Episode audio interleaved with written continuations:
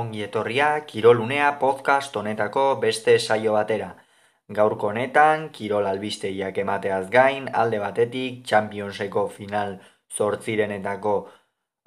otxaiak hogeita biden aste arte honetan Juventusek eta Villarrealek Ceramika estadioan jokatu duten norgeiagokaren inguruan hitze ingo dugu alde batetik Eta bestetik berriz aste honetan amaitu da bai binakako txapelketa nagusian eta baita promozioan ere sailkapen fasea. Eta pixka bat bikotez bikote aztertuko dugu txapelketaren lehen fase hau, txapelketen lehen fase hau beraz besterik gabe az gaitezen. Eta albisteetan lehenik eta behin txirrindularitzarekin hasi behar dugu. Izan ere gana du molen eta pogatxar gainditu ditu erlojupekoan Estefan Bisengerrek Education Easy Post taldeko txirindularia lasterketako lider jarri da Arabiako lasterketan. Bestalde Laura Barkero patinatzaile Espainiarrak doping kontrol batean positibo eman du joko neguko jokoetan e, prestatzeko Madrileko hogei urteko kirolaria, Italian entrenatzen da orain bost urtetatik eta amaikagarren egin zuen Pekinen bere bikote den Marco Zandronekin batera. Eta bestalde albiste ona kasu honetan emakumezkoen kirolean izan ere estatu batuetako jokalariak emakumezko selekzioko jokalariak akordio batera iritsi da dira selekzioarekin non gizonek bezala kobratuko duten, beraz, ari gara zalantza izpiri gabe pausoak ematen aurrerantza. Orain, guazen besteri gabe Championseko norgeiagokaren analisia egitera eta horretarako lehenik eta behin esan ditzagun amaikakoak. Biarreal horrela xeatera da, Rulia tepean, Albiol eta Pau Torres e, atzealdean, Alberto Moreno ezkerretik foit eskubitik,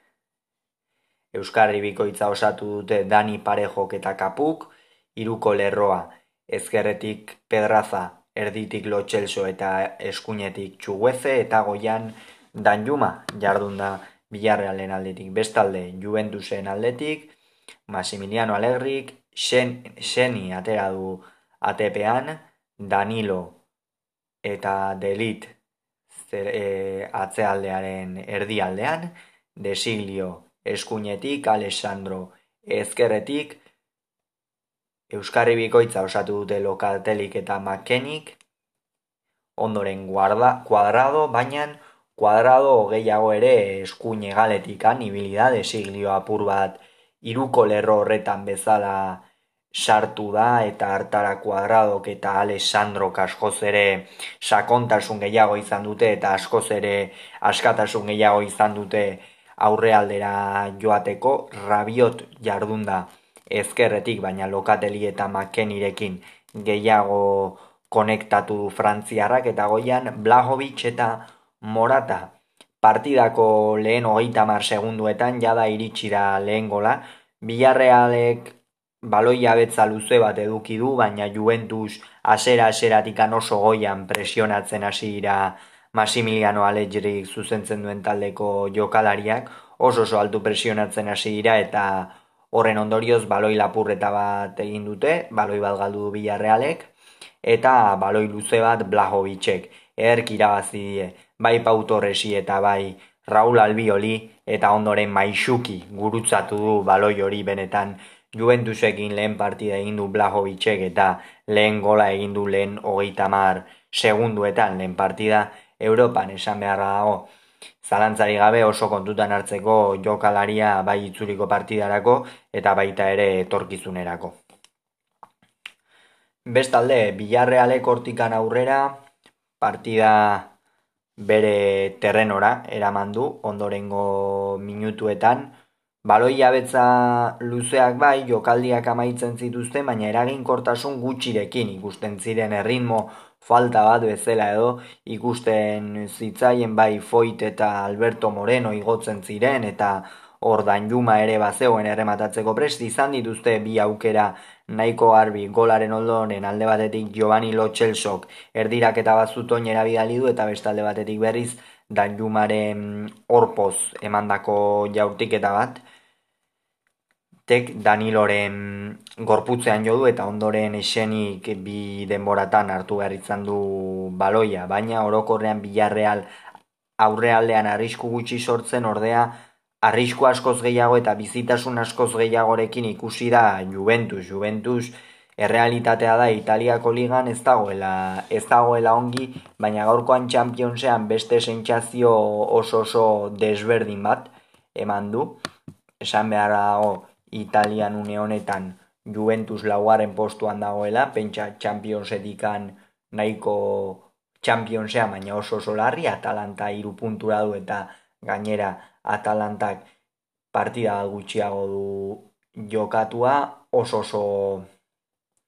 eia ezinezkoa liga irabaztea e, Juventus entzat, eta horregaitik Championsean paperona egitea zuten helburu eta gaurkoan mintzat oso oso hau zapore ona utzi dute eurentzat, ezta? Partia bizkat horrelaxe joan da, esan dezagun, ba aldaketa ugari egin dituzte, batez ere Juventuseko jokalariak azkenengo minutuetan oso oso justu ikusi ditugu fisikoki eta horrek ba noski aldaketa zenbait aldaketa egitera behartu ditu e, entrenatzaileak kasu honetan e, Massimiliano Allegri esate baterako lehen aldaketa Juventusek egin du izan ere Alex Sandro kendu du eta Leonardo Bonucci sartu du. Egia esan e, beste jerarkia bat behar zuen, behar bada naiz eta bilarrealez oso bizi jokatzen egon area asko zapaltzen ari ziren urpekari horiko jokalariak eta hori Massimiliano Alegrik nabaritu du eta horretarako esperientzia duen e, azeri zahar bat sartu du e, Leonardo Bonucci eta nahiko irmo eutxi dio e, Juventusek atzealdean naiz eta gola hor e, jokaldi oso estrategiko batean eta atzealdeak hobe defendi dezakeen jokaldi batean etorri den. Bestalde, urrengo aldaketa ere Juventusek egin du, esan behar dugu biek, ala biek, lau aldaketa egin dituztela, ez dituzte bost aldaketak gastatu, kasu honetan Artur Melo atera du irurogeita margarren minutuan lokateliren ordez, ez du asko aldatu Arturren presentzia oso oso esporadikoa izan da, ez da asko azaldu ez dio jokoa egonkortu Juventusi orokorrean eta erabat e, desagertuta, pasa mamu, pasa Artur Melo e, Juventusen aldetik. Eta ondoren e, Zakaria atera du, laro garren e, minutuan e, McKennyren. Ordez, McKennyk badirudi nahiko lesio larria izan lezakela, izan ere ia ezin ibilita atera zelaitik, hor ikusi dugune batean, irudi batean ere nola sendagiari helduta zijoan eta jada atera zenetikan bos bat minutu edo pasatu ziren, beraz, da irudi nahiko lesio larria izan dezakela Weston McKennyk, bere ordez Zakaria atera Zakariak ere presentzia oso urria izan du partidan zehar. Jada esan behar dugu bigarren eh, edo hirugarren aldaketa honetan e, jada Artur Melo en zelaien zegoela eta jada marka joa gana zijoala e, ondoren berriz Bilarrealek irurogeita emezortzi garren minutuan egin du lehen aldaketa, kasu honetan trigero sartu da eta pedraza atera, ba emeri beste, beste zera bat eman izion taldeari azkenean ikusten zituen aukerak, baina egia da atzealdea ere egonkortu nahi zuela eta horretarako hiru zentral sartu ditu, horren pixat kapu jetxia, e, pixat kapu gehiago jetxia, eta horren ondorio ziru zentralekin ba horixe ondoren berriz e, estupinan ere minutu berdinean e, atera du, kasu honetan pedrazaren ordez, noski, pedrazaren ordez barkatu, eta Trigueros Alberto Morenoren ordez, e, pixa eta biadura gehiago sartzeko, ja da juventusekoak ere fizikoki larri ikusi ditu emerik, eta bintzat partida dominatzen bukatu dute urpekari horiko jokalariek. E, azkenik berriz, e, horre Luca Pellegrini ere atera da Juventusen aldetik laro segaren minutuan desiglioren ordez, nahiko oso presentzia urria izan da Pellegrinirena, egi esan aldaketak nahiko berandu hasi dira, hor berroita osgarren minutuan egin du aldaketa bat Massimiliano Allegrik Bonucci aterea zelaira, baina orokorrean aldaketak oso oso berantiar izan dira eta beraz askok ez dute ez dute duten maila demostratzeko aukerarik ere izan. Eta azkenik aldaketa bikoitza ere egin du laro gehieta bederatzi garen minutuan, alde batetik bulai edia atera du danjumaren ordez, postua, postuaren gatik, eta azkenik etxu guezek endu eta Jeremy Pino sartu dauen e, presentzia ere oso oso urria izan da esan bezala itzuliko partida. Itzuliko partida hemendikan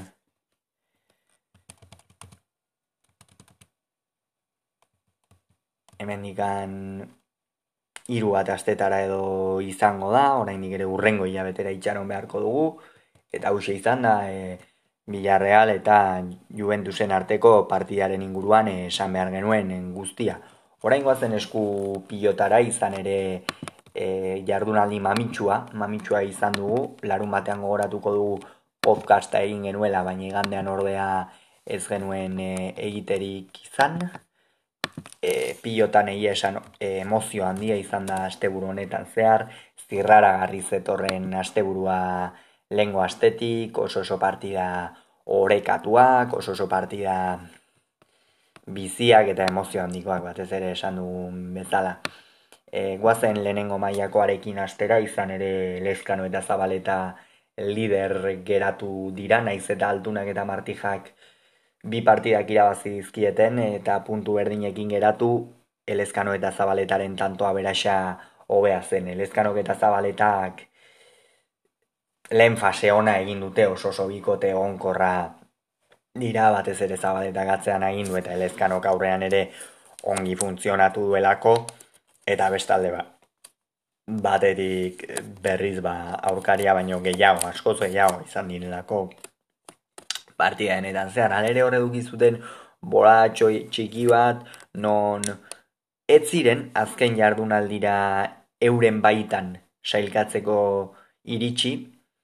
Baizik eta altuna martija edo irribarri arrezusta bibiko teorietako batek galdu egin behar zuen. Horregaitik hor bai esan behar da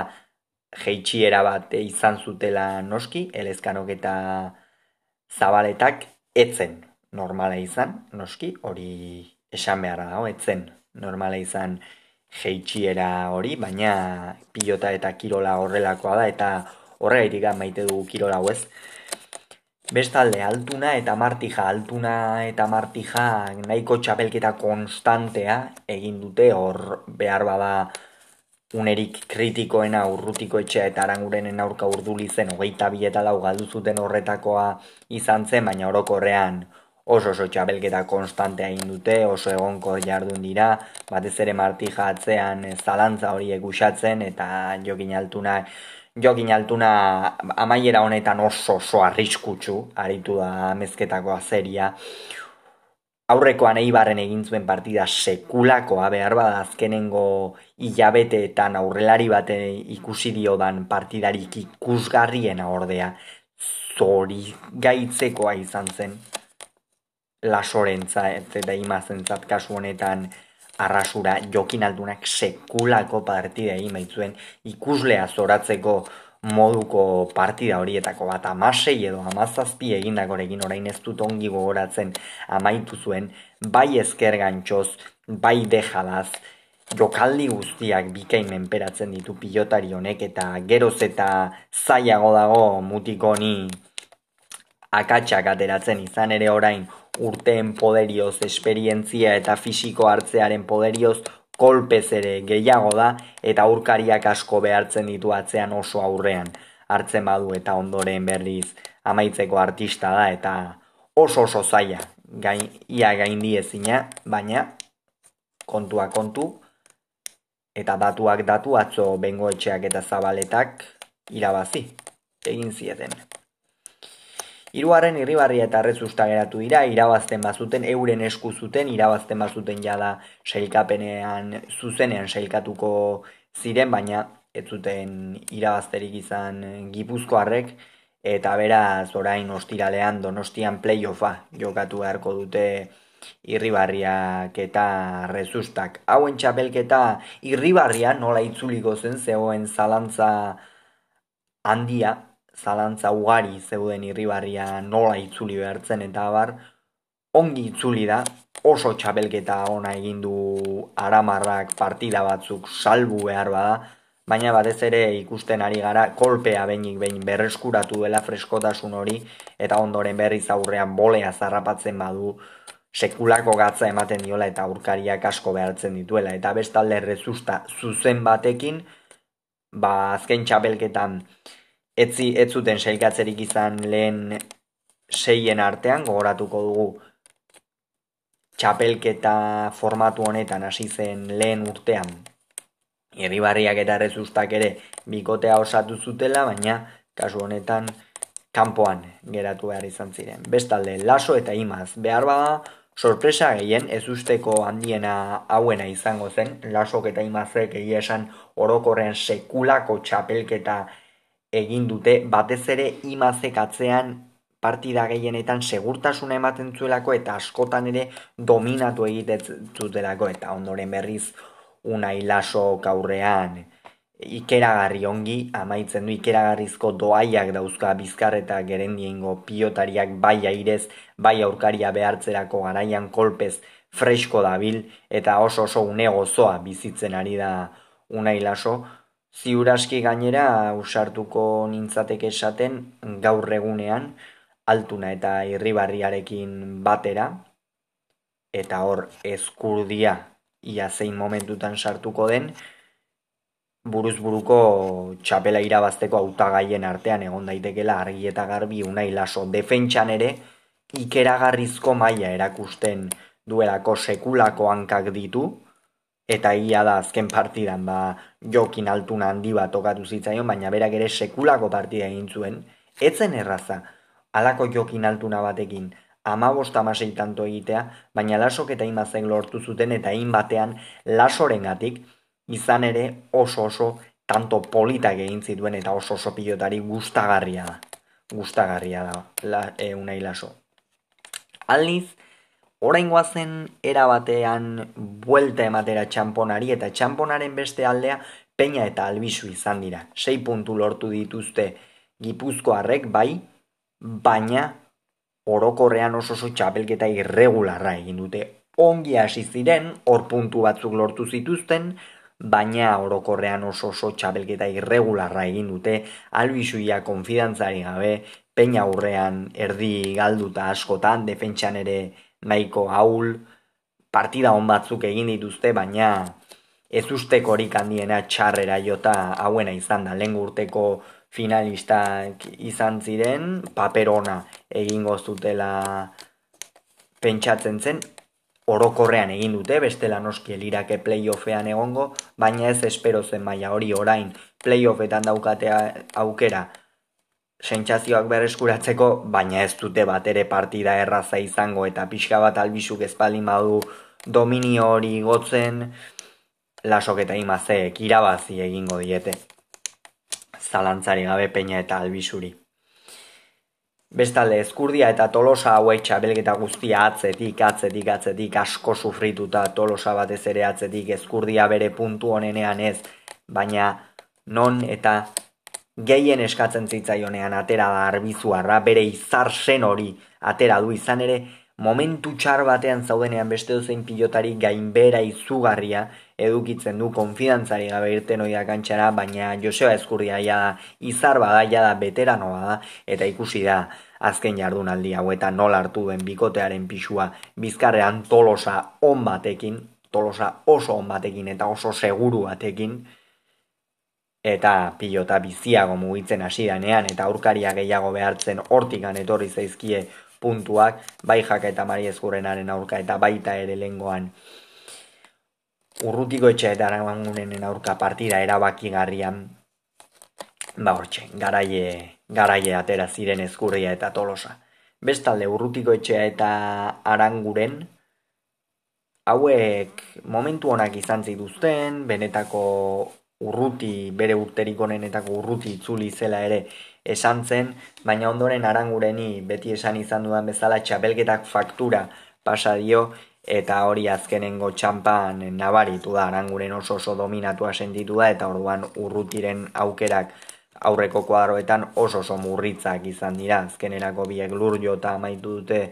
txapelketa, eta orain etzaile besterik geratzen aurrera begiratzea baino. Eta azkenik jaka eta mari ezkuren hauen gandik asko zere gehiago espero zuen pilota zaleak orokorrean, baina mari ezkurrenak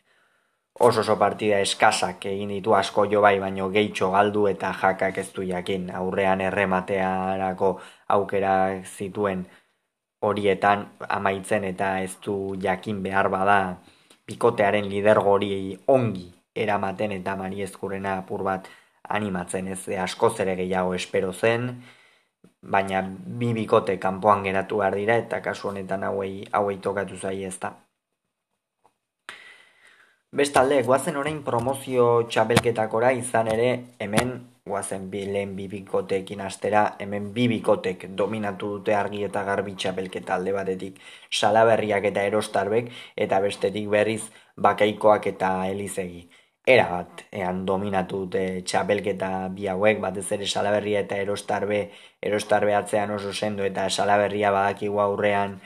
zer nolako doaiak dituen, amaitzeko erreztasun hori, kontrarasoko jokaldiak egiteko erraztasun hori, defentsan ere ongi, eta bestalde bakaikoa eta elizegi, elizegi lengo urtetik anona sekulako gorakada eman du, horrek. Lengo urteko azken postutik urten bigarren postura eta beraz finalerdietara zuzenean sailkatzeko aukera eman dio bikoteari eta bakaikoa ere ongi, bakaikoa bere esperientzia erakusten, veteranoa daia da erdi veteranoa promozio mailan joan ez bakaikoa eta maila hori eta esperientzia hori demostratu ditu etxarriarrak. Bestalde, Victor eta Gaskue, beno, bikote honen gamba edo zer espero ziteken, ez? Oso gaizki hasi ziren, ez zuten puntu bat biltzen, baina ondoren gora, gora, gora, Gaskue ere gora, Victor ere pilotari abiadura gehiago sartzen eta urrean gehiago agintzen. Ba, azkenerako, zortzi puntu lortu dituzte eta playoffak jokatuko dituzte Victorek eta Gaskuek. Zubizarreta eta eskiroz, nik pertsonalki esan behar dut bikote honen gandikan gehiago espero nuela. Izan ere, zubizarreta oso oso pilotaria iruditzen zait, behar bada ezker hori orain ere hobetzeke dauka, eta eskiroz berri sekulako pilotaria da, orain bi urteak irrerekin promozio txapelkete irabazi zuen, ondoren lehen urtean larrazabalekin saikatu ziren playoffetarako, baina hauten zubizarretarekin ez dakit lehenengo bietan ere sartuko nituen, sartuko nuen bikote hau txapelketa hasi aurretik, benetan diot. Eta, ba, beno, zubizarreta behar ba, ezker horrekin ez du behar bezain ongi kentzen, eta eskiroz, ba, hori, e, lesio e, luze batetikan e, itzultzen zen, eta, beno, ba, horiek betiko, betiko kontuak dira ez Bestalde, Zabala eta Oier Etxebarri hauek ere Beno, Oier Etxebarri atzean ziur, baina Zabalari oraindik ere falta zaio pixka bat aurreko ofizio hori gaztea pilotari abiadura handi ematen dio, ondoren bigarren zatietan asko jokatzen du, baina orokorrean oraindik ere asko du, asko du hobetzeko Javi Zabalak. Eta larri-larri sailkatu direnak, Alberdi eta Uri ondo lengoan irabazi egin behartzieten bai edo bai eguren eta untoriaren ordez jokatu zuen ladis galartzari irabazi egin zieten eibaren azkenerako larri hogeita bi eta emeretzi eta playoffak jokatuko dituzte azpeitiarrak eta giza buruagarrak nahiko, nahiko lehen fase irregularra egin dute, uri ondo lehen urtean zubizarretarekin txapelketa hona egin zuen, aurten alberdi behar ba kamutxago eta dominatuago sentitu da, uri ondo katzean behar ba ez du behar bezain beste egin du, baina azkenerako playoffetan daude eta orain presio gutxirekin aterako dira egia esan e, urrengoan kantxara, baina oraindik ere esperantzekin noski. Eta azkenik kanpoan geratu dira Larra Zabaleta Salaberri bost punturekin, bi tanturen, bi tantu gehiago jaso zituztelako Larra Zabalek eta Salaberri galberdik eta hori ondo baino, eta egiguren eta untori haueia da, orain hiru gai jardun aldintatik edo, txapelketatik kanpo geratu ziren matematikoki, oso oso txapelketa eskasa egin dute, egigurenek eta untoria bi puntu esterik ez dituzte lortu hortxe ikusten da, egiguren aurrean dominatua sentitzen zen, defenditzerako garaian ongi, baina orain dikan ere azpeitiako pilotariak goraka da handia, egin behar du bi, binaka jokatzeko, esan bezala, egigurene gainera, binaka jokatu dituen bitxapelketetan, bakar batean ere